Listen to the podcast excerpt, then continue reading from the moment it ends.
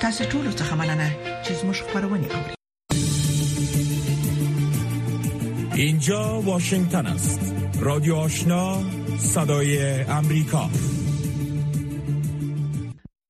شنونده های محترم سلام صبح همه شما بخیر. آواز ما را از امواج رادیو آشنا صدای امریکا میشنوین. رویا زمانی هستم با تقدیم برنامه امروز پنجشنبه 22 ماه فبروری سال 2024 میلادی. نخست از همه همکارم عبدالواجد عادل با تقدیم مشروع خبرهای این ساعت.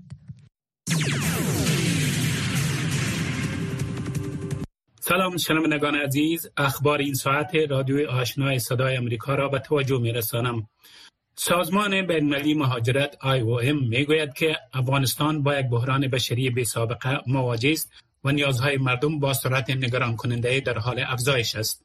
این سازمان در گزارش زیر عنوان چالش برانگیزترین وضعیت بحرانی جهان با اشاره به خروج پناهجویان افغان از پاکستان نوشته است که تنها در چهار ماه گذشته 500 هزار مهاجر افغان از پاکستان اخراج شدند که تنها در 15 روز نخست ماه جنوری ده هزار تن به افغانستان بازگشتند.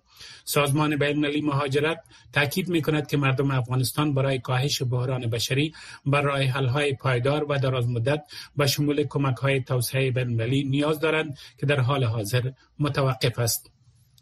متیو میلر سخنگوی وزارت خارجه ایالات متحده گفت که طالبان یگانه افغانهای نیستند که در آینده افغانستان سهمی داشته باشند. این اظهارات سخنگوی وزارت خارجه ایالات متحده روز سه شنبه پس از آن بیان شد که رهبران طالبان از شرکت در نشست دوحه اجتناب کردند سهیل شاهین رئیس نمایندگی سیاسی طالبان در دوحه پایتخت قطر در نخستین روز این نشست به خبرنگاران گفت که طالبان به دلیل اینکه شرایطشان پذیرفته نشد در نشست دوحه اشتراک نکردند.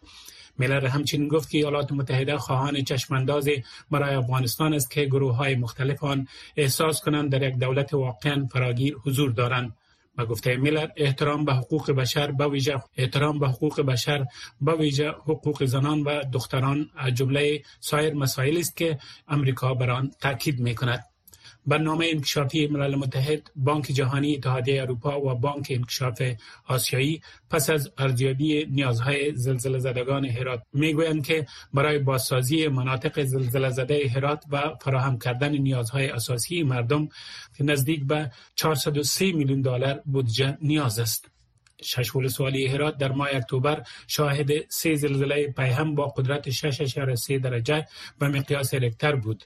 دفتر هیئت معاونت ملل متحد در افغانستان یوناما دیر و چهارشنبه این ارزیابی مشترک را نشر کرد که بر اساس آن زلزله های پیهم 217 میلیون دلار زیان فیزیکی مستقیم و حدود 79 میلیون دلار خسارات دیگر بر جا گذاشته است. اخبار منطقه و جهان را از رادیوی آشنای صدای امریکا می شنوید. وزیر نفت ایران روز چهارشنبه اسرائیل را به حمله خرابکارانه به pipeline گاز طبیعی ایران در هفته گذشته متهم کرد که باعث انفجارهای متعدد در این خط شد و تنشها را بین دشمنان منطقه‌ای در پس زمینه جنگ اسرائیل علیه حماس در نوار غزه افزایش داد. اتهامات جواد اوجی وزیر نفت ایران در حال مطرح می شود که اسرائیل به خاطر یک سلسله حملات علیه برنامه هسته‌ای تهران مقصر شناخته شده است. اوجی بدون ارائه مدرک برای اثبات ادعای خود افزود اقدام و توطیه شیطانی دشمن به درستی مدیریت شد. انتونی بلینکن وزیر خارجه ایالات متحده روز چهارشنبه با لوئیز اناسیو لولا داسی لوا رئیس جمهور برزیل دیدار کرد و وی را در مورد تلاش های ایالات متحده برای پایان دادن به جنگ اسرائیل و حماس در غزه توضیح داد. اما همچنین به او گفت که ایالات متحده با ارزیابی او در تشبیه تلاش های جنگی اسرائیل با نازی ها مخالف است. نسل کشی در جنگ جهانی دوم در این حال وزارت خارجه ایالات متحده حملات بیباکانه و بیرویه به کشتی های باری غیر نظامی توسط حوسی ها را محکوم می کند. حوسی ها مانند یک سازمان تروریستی رفتار می کنند و غیر نظامیان کشتی های غیر نظامی و دریانوردان بیگناه حمله می کنند و همچنان خدمه کهکشان لیدر متشکل از 25 نفر از پنج کشور مختلف را بازداشت می کنند این دزدی دریایی است. حملات ها باعث افزایش ها و تأخیر در تحویل اقلام حیاتی بشردوستانه مانند غذا و دوا در مکانهای می شود که بیشتر مورد نیاز است. این امر بر افرادی که در سراسر جهان به کمک نیاز دارند از جمله در سودان اتیوپیا و خود یمن تاثیر منفی می‌گذارد. سازمان عفو بینالمللی روز چهارشنبه مقام های عربستان سعودی را به ناپدید کردن های اجباری متهم نمود. این اتهام سازمان عفو بینالمللی پس از آن اعلام گردید که یک فعال حقوق زنان سعودی که با دلیل پست های رسانه‌ای اجتماعی بازداشت شده است از ماه نوامبر بدین سو با جهان خارج ارتباط نداشته است. مناهل العتیبی در ماه نوامبر سال 2022 به دلیل پست های در رسانه های اجتماعی علیه قوانین مربوط به مرد سالاری در آن کشور دستگیر شد. این زن 29 ساله هنوز مجرم شناخته یا محکوم نشده است.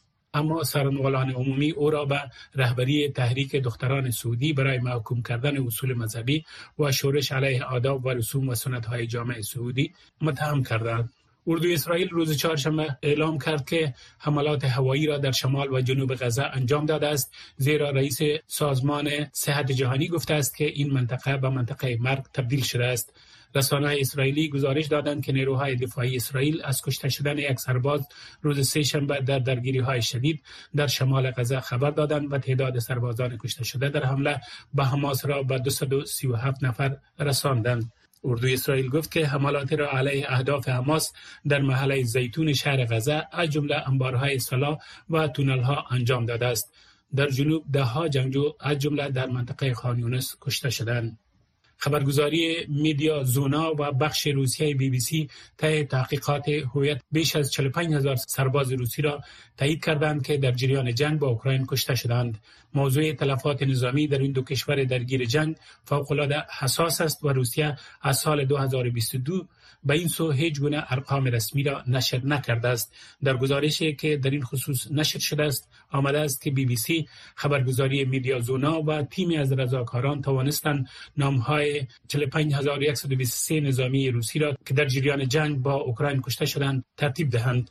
با آن هم در این گزارش هشدار داده شده است که ممکن رقم واقعی نظامیان کشته شده دو برابر باشد و در آخر هم یک خبر سپورتی در آخرین رقابت سلسله بازی های 20 آوره میان افغانستان و سریلانکا افغانستان توانست سریلانکا را با تفاوت سه دوش شکست دهد. در این رقابت ابراهیم زدران کپتان تیم ملی کرکت افغانستان برای این بازی 20 آوره برنده قرعه شد و تصمیم گرفت نخست batting کنند.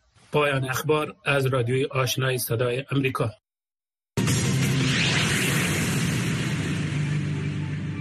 شنونده های محترم شما مشروع خبرها را شنیدید و حالا می پردازیم به گزارش های این بخش برنامه.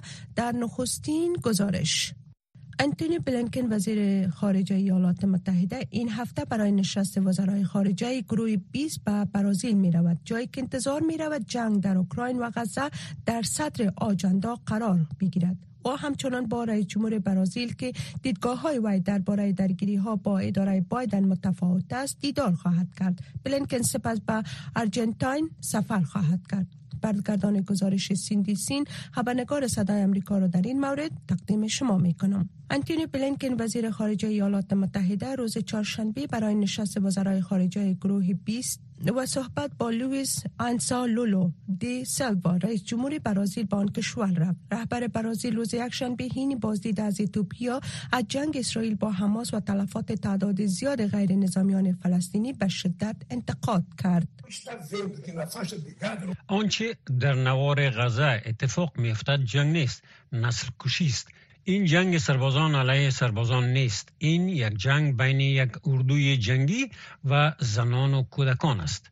متیو میلر سخنگوی وزارت خارجه امریکا روز سه شنبه گفت که اداره بایدن با اظهارات آقای لولو مخالف است. ما موقف خود را کاملا واضح کرده ایم. به باور من در غزه نسل کشی رخ نداده است. ما می‌خواهیم درگیری به گونه مناسب پایان یابد. ما می‌خواهیم کمک های دوستانه به طور مداوم به غیر نظامیان بیگناه در غزه افزایش یابد. اما با این اظهارات موافق نیستم. این در حال است که یک از آگاهان به این نظر است که لولو تلاش می کند تا صدای خود را در مورد مسائلی که کشورش نفوذی کمی در آن دارد بلند کند. او تلاش کرد تا بر جنگ در اوکراین و جنگ غزه فراتر از حد تأثیر گذاری که دارد تأثیر بگذارد. اینجا محدودیت های وجود دارد. ما باید تشخیص دهیم که برازیل از نظر سیاست خارجی هیچ قدرت ندارد. قدرت دخالت در این زمینه را ندارد. برعکس ما بسیار قوی هستیم و ما یک قدرت در بخش محیط زیست و در معاملات انرژی هستیم. ما باید روی این بخشات تمرکز کنیم. در آستانه نشست وزرای خارجه گروه 20 یک دیپلمات ارشد برازیل گفته است که درگیری ها در سراسر جهان به سطح جنگ سرد رسیده است و رهبران جهان باید یک سیستم بین المللی را برای جلوگیری از درگیری های جدید اختیار کنند و این در حالی است که بلنکن با رئیس جمهور جدید آرژانتین نیز ملاقات می کند کسی که از حامیان سرسخت اسرائیل می باشد شنوندگان گرامی رادیو آشنا صدای امریکا نشرات رادیو آشنا را در موج متوسط 1296 موج کوتاه 11575 اشاری سفر و در موج 972 کیلوهرتز شنیده می توانید. در ادامه گزارش ها در حالی که تلفات روزافزون ناشی از جنگ میان اسرائیل و گروه حماس در غزه ادامه دارد برخی از قانونگذاران امریکایی ابراز امیدواری کردند که قبل از فرارسیدن ماه رمضان اسرائیل و حماس به یک توافق آتش بس موقت نایل شوند.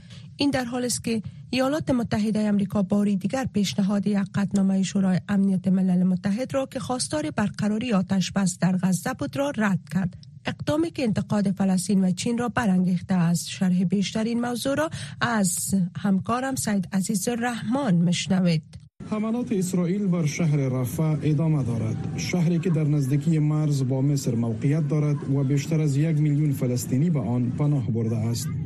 سرنوشت باشندگان غزه بحث روز چهارشنبه در مقر سازمان ملل متحد بود. ایالات متحده بار دیگر قطعنامه را رد کرد که خواستار آتشبس فوری در غزه بود.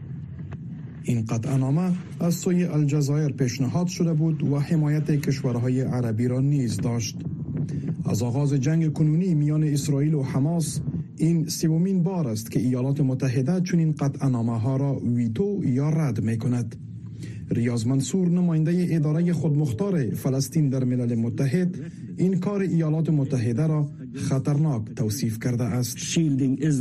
از اسرائیل حتی در حالی که تکان دهنده ترین جرایم را مرتکب می شود محافظت می کند و میلیون ها غیر نظامی بیگناهی فلسطینی را در معرض خشم و وحشت های ناگفته قرار می دهد این اسرائیل نیست که باید توسط ویتو حفاظت شود بلکه کودکان زنان و مردان فلسطینی است که باید توسط این شورا محافظت شوند. ایالات متحده در عوض یک قطعنامه ترتیب شده خود را پیشنهاد کرده است.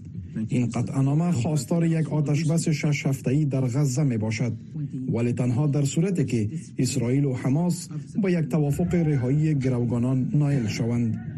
تلاش برای چنین توافق از سوی ایالات متحده مصر و قطر جریان دارد. قطعنامه پیشنهادی ایالات متحده حملات هفتم اکتبر از سوی حماس بر اسرائیل را نیز محکوم می کند و در آن آمده است که حماس نمی‌تواند هیچ نقش در آینده سیاسی غزه داشته باشد. علاوه بر آن در قطنامه پیشنهادی ما آمده است که قلمرو غزه نمی‌تواند کوچکتر ساخته شود و بیجا شدن اجباری غیر نظامیان در غزه را رد می کند.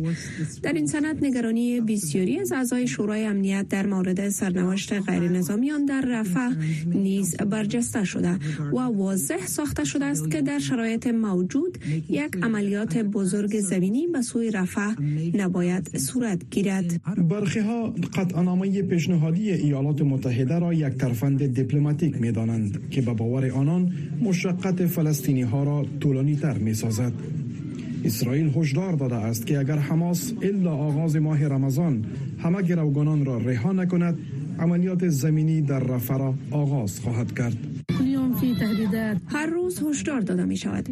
نمی‌دانیم به کجا برویم. برخی به این باورند که قطعنامه پیشنهادی ایالات متحده موقف جدی واشنگتن نسبت به چگونگی پیشبرد جنگ توسط اسرائیل را نیز شامل می باشد این اولین بار است که ایالات متحده یک قطعنامه را پیشنهاد می کند و این سند حاوی برخ از انتقادات قوی در برابر جنگ اسرائیل و وضعیت در کرانه غربی رود اردن است. فکر می کنم که حکومت بایدن می خواهد تا یک پیام دقیق را بفرستد.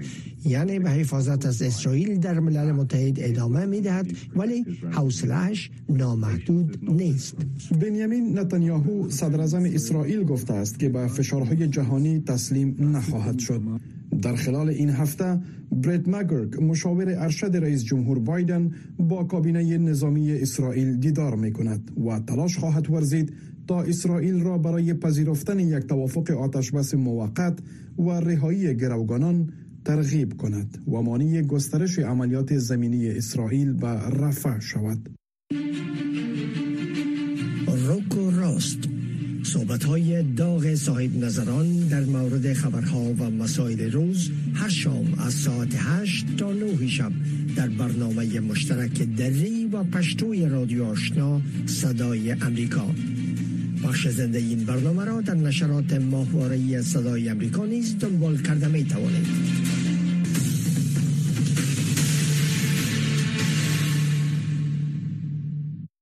آواز ما را از لابلای برنامه های صبحگاهی رادیو آشنا صدای امریکا مشنوین مسئولین طالبان در ریاست زراعت ولایت هرات می‌گویند که میزان علاقمندی دیقانان به کشت سبزیجات افزایش یافته و بیش از 11300 هکتار زمین در این ولایت سبزیجات کش شده است. شمار از دیقانانی که به کشت سبزیجات رو آوردن از میزان حاصلات و بازار فروش آن راضی هستند. در این مورد گزارش داریم که تقدیم شما می‌کنیم. یعقوب علی جعفری یکی از کشاورزانی که در بیش از هفت جریب زمین خود گلخانه های بزرگ و کوچک سبزیجات ساخته است. او از پول کارگری در ایران با مقدار 700 هزار افغانی روی این گلخانه ها سرمایه گذاری کرده است. ما از شغل خدا را شکر راضی هستیم. مثلا حدودا مثلا نو ماه هشت ماه نو ماه دوزده نفر مثلا همینجا در پالوی ما کار می‌کنم همین هم یک رزق خوروزی حلال مثلا هست همین کشاورزی یک رزق خوروزی حلال داره. دو من تقریبا 12 نفر کارگر مثلا سه چهار تا زن میه که مثلا یک سوکنی و دیگه و دیگه دیگه مرد پالویم کار می‌کنه هرچند بازار سبزیجات در فصل زمستان گرمتر است و به گفته این کشاورز یک کیلوگرم سبزی مکنون 25 افغانی به فروش می رسد اما با آن هم کشاورزان از مقام های مسئول می خواهند که آنان را در این بخش همکاری کنند. کت سیاه و سفید گرانه. آره. فقط این کت سیاه و سفید گرانه به غیر از ترکاری خمو می خواهیم که انشالله امسال کچالو مثلا کشت کردیم. دیگه کمی بادام زمینی کشت کردیم. اینا را سعی کنیم اینا چی نتیجه میده اگر مثلا کچالو مثل بادام زمینی و یک چند چیز دیگر را می‌خوایم که بکاریم اگر اونا نتیجه داشت یا آش از اونا می‌خوایم بکاریم که مثلا جوانان مصروف کار در مزرعه یعقوب علی از اینکه نفقه خانواده هایشان را با روزی حلال تامین می کنند خورسند هستند. دو سال میشه کار می‌کنی خوب خوشحالی که به خاطر زی خرج خانواده در میری دیگه از دولت هم امیر می‌خوای شاورزار مثلا تقویه کنه که رشد کنه. برای ما یک کمی کوشش کنه که مثلا در ما کمک شوه. کمی کشاورزای ما مثلا پیشرفت کنه ترقی کنه که جوانای ما خارج از کشور ما نروه. مسئولان در اداره زراعت ولایت هرات می‌گویند حامی کشاورزانی که به کشت های حلال روی بیاورند. در مجموع 11328 هکتار زمین سبزیجات مختلف نوع ما کشت داریم در هرات. و سبزیجات که هست یک چیزی هست که هم مردم خود سبزیجات علاقه خیلی داره.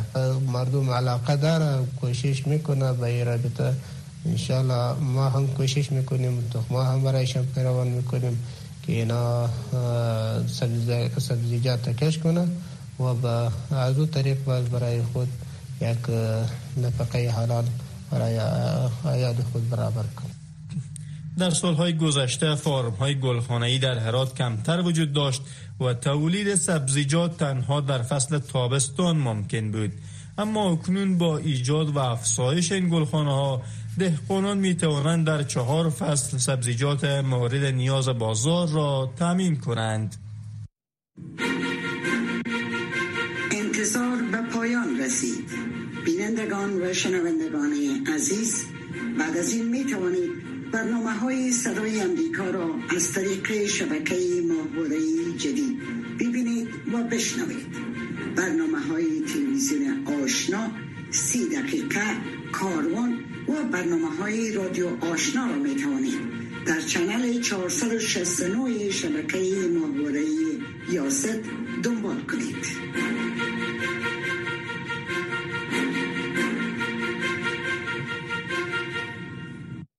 تصمیم اخیر طالبان مبنی بر ممنوعیت تصویربرداری رسانه ها از مجالس رسمی و غیر رسمی در ولایت کندار واکنش هایی را به دنبال داشته است. شرح بیشتر واکنش های جامعه رسانه‌ای و مدافعان حقوق رسانه ها و خبرنگاران را از فرخنده پیمانی مشنوید. در ادامه وضع محدودیت ها بر کار اطلاع رسانی در افغانستان از سوی حکومت طالبان محمد هاشم شهید ورور رئیس عمومی دعوت و ارشاد حکومت طالبان در جریان سخنرانیش در یک سمینار به روز سهشنبه 20 فوریه گفت که خبرنگاران با تصویربرداری و عکاسی مرتکب گناه کبیره می شوند و به گفته او بر روز قیامت خداوند از آنان می خواهد که به تصاویر روح دهند. این در حال است که قبل از آن یک مکتوب رسمی به امضای ملا محمد علی حنفی مشهور به ملا شیرین آخون والی طالبان در قندهار در شبکه های اجتماعی نشر شده که در آن به نهادهای محلی این ولایت توسعه شده است که از گرفتن عکس و مصاحبه های تصویری با رسانه ها اجتناب کنند. در این مکتوب به ادارات ولایتی تاکید شده که گزارش هایشان را به شکل نوشتاری یا صوتی نشر کنند. این فرمان حکومت طالبان واکنش های خبرنگاران و سازمان های حمایت کننده رسانه ها را به دنبال داشته است. عبدالمجیب خلوتگر خبرنگار و فعال رسانه ای فرمان تازه طالبان را یک گام دیگر برای محدودسازی رسانه های افغانستان دانسته و می افزاید که با توجه به عملکرد طالبان در گذشته این فرمان در قندهار باقی نمانده بلکه به ولایات دیگر افغانستان نیز سرایت خواهد کرد. من فیلمبرداری از زیروح یا زندجان توسط ولی طالبان در قندهار عامل سه تا پیام است. پیام اولی که هیچ تغییر در مفکوره و ذهنیت طالبان از سالهای دهه 90 تا امروز نامده و هر ادعای مبنی بری که طالبان تغییر کردن را اگر مشنویم دروغ محض است نصر استانگزی استاد پیشین حقوق در پهنتون کابل از لحاظ حقوقی این فرمان را غیر قانونی خوانده و اجرای آن را در قرن 21 با توجه به عصر تکنولوژی مدرن غیر عملی می داند. در صورت ممنوعیت تصویر و فیلم در واقع قانون رسانه های همگانی افغانستان به طور مطلق نقص میشه و از سوی دیگر از نظر عملی ناممکن است که چنین تصمیم عملی شود. این در حال است که فعالیت تلویزیون و تصویربرداری از موجودات زنده در دوره حول حاکمیت طالبان بین سالهای 1996 تا 2001 نیز ممنوع بوده است. مقام های طالبان بارها مدعی شدند که متحد به آزادی بیان و فعالیت رسانه ها و خبرنگاران در چارچوب شریعت اسلام و منافع ملی هستند اما پس از حاکمیت دوبارهشان بر افغانستان در بیش از دو نیم سال گذشته حداقل 16 فرمان محدود کننده را بر رسانه ها صادر کردند که مورد انتقاد شدید کشورها، سازمان های بین المللی حقوق بشری و نهادهای حامی رسانه ها قرار گرفته است. صدا و نظریات شما در مورد مسائل سیاسی اقتصادی، فرهنگی، اجتماعی و صحی از ساعت ده تا دو شب در برنامه مشترک دری و پشتوی رادیو آشنا صدای امریکا.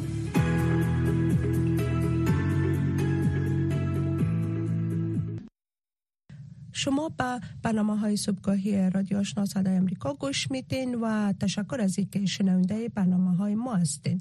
کارشناسان شورای حقوق بشر ملل متحد در خبرنامه به بررسی وضعیت زنان و دختران در افغانستان و افزایش تهدیدات علیه زنان در جهان پرداخته و گفتند که این وضعیت ایجاب می کند که تبعیض جنسیتی علیه بشریت جرم شناخته شود. این در حالی است که منشور عمومی ملل متحد پس از نشست دوم این سازمان در دوحه گفت که ممنوعیت ظالمانه بر آموزش و کار دختران و زنان در افغانستان باید برداشته شود. محمد احمدی با شرح بیشتر این موضوع. شورای حقوق بشر سازمان ملل متحد وقت سهشنبه به نقل از کارشناسان این شورا در خبرنامه‌ای گفت این که جامعه جهانی تبعیض جنسیتی را به عنوان جنایت علیه بشریت بشناسد ممکن به زمان طولانی نیاز باشد. این کارشناسان گفتند آپارتاید جنسیتی فقط یک نظریه یا ساختار قانونی نیست بلکه یک تهدید واقعی و یک واقعیت زنده برای میلیون ها زن و دختر در سراسر جهان است واقعیتی که در حال حاضر به صراحت در حقوق بین الملل تدوین نشده روی کرده حکومت طالبان تدوین عاجل آپارتاید جنسیتی در حقوق بین الملل را لازمی می‌کند زیرا به جامعه جهانی اجازه می دهد تا حملات رژیم طالبان بر زنان و دختران افغان را بهتر شناسایی و به آن رسیدگی کند به نظر این کارشناسان قوانین پالیسی ها و روش های دولتی که زنان را به شرایط نابرابری و ظلم شدید با هدف از بین بردن مؤثر حقوق انسانیشان طبقه بندی می کند هسته اصلی سیستم های آپارتاید را منعکس می سازد کارشناسان سازمان ملل متحد خواستار گنجانیدن آپارتاید جنسیتی به عنوان جنایت علیه بشریت بر اساس ماده دوم پیشنویس مواد مربوط به پیشگیری و مجازات جنایت علیه بشریت شدند که همکنون در کمیته ششم مجمع عمومی سازمان سازمان ملل متحد در حال بررسی است.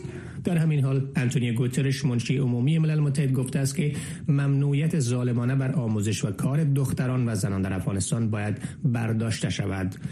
زنان و دختران افغان باید قادر باشند که مشارکت کامل و با مفهوم در همه عرصه های زندگی داشته باشند. از چوکی های سنف درسی گرفته تا میزهای تصمیم گیری از سوی دیگر متیو میلر سخنگوی وزارت خارجه امریکا روز سهشنبه گفت از اینکه طالبان در نشست دوحه اشتراک نکردن بسیار شگفت زده نشده است. اما تاکید کرد که ایالات متحده مایل است تا صدای تمام اقشار افغانستان برای آینده کشورشان مد نظر گرفته شود. ما با حمایت از همه افغان ها از جمله زنان و دختران برای داشتن صدای در تعیین آینده کشورشان ادامه می دهیم نازیلا جمشیدی تحلیلگر مسائل سیاسی بر اهمیت جرم پنداشته شدن تبعیض جنسیتی علیه بشریت در افغانستان توسط طالبان تاکید می کند گروه مجرم یک راه قانونی ساخته بشه که گروه مجرم پاسخگو قرار داده بشه. یعنی محکمه های بین المللی بتنه در برای از اینا دوسیه باز بکنه و اینها پاسخگو قرار بده و ضمن این گروه مجرم بر اساس او که وقتی که جرم اینا به رسمیت شناخته بشه نه تنها که اینها مشروعیتی هیچگاهی کسب نخواهند کرد بلکه روابط اینها بسیار با کشورها محدود خواهد شد و از مزایای بین المللی و از مزایای روابط بین المللی مستفید نخواهند شد. بنابراین بسیار مهم هست که آپارتاید جنسیتی در افغانستان به رسمیت شناخته بشه. هفته گذشته وزیران خارجه چندین کشور در حاشیه کنفرانس امنیتی مونیخ در آلمان با نشر اعلامیه گفتند که طالبان مسئول ایجاد وحشتناکترین وضعیت بشری در جهان بوده و آینده افغانستان را به مخاطره انداختند. زبی الله مجاهد سخنگوی طالبان در واکنش به اعلامیه نشست امنیتی مونیخ در یک رشته پیام های اکس گفته بود که نگرانی های مطرح شده در نشست مونیخ در مورد افغانستان بی اساس است. حکومت طالبان هنوز در مورد اظهارات کارشناسان شورای حقوق بشر ملل متحد واکنش نشان ندادند. اما پیش از این مقامات حکومت این گروه بارها گفته بودند که به حقوق زنان در چوکات شریعت متحد هستند. هفت روز هفته با رادیو آشنا صدای امریکا.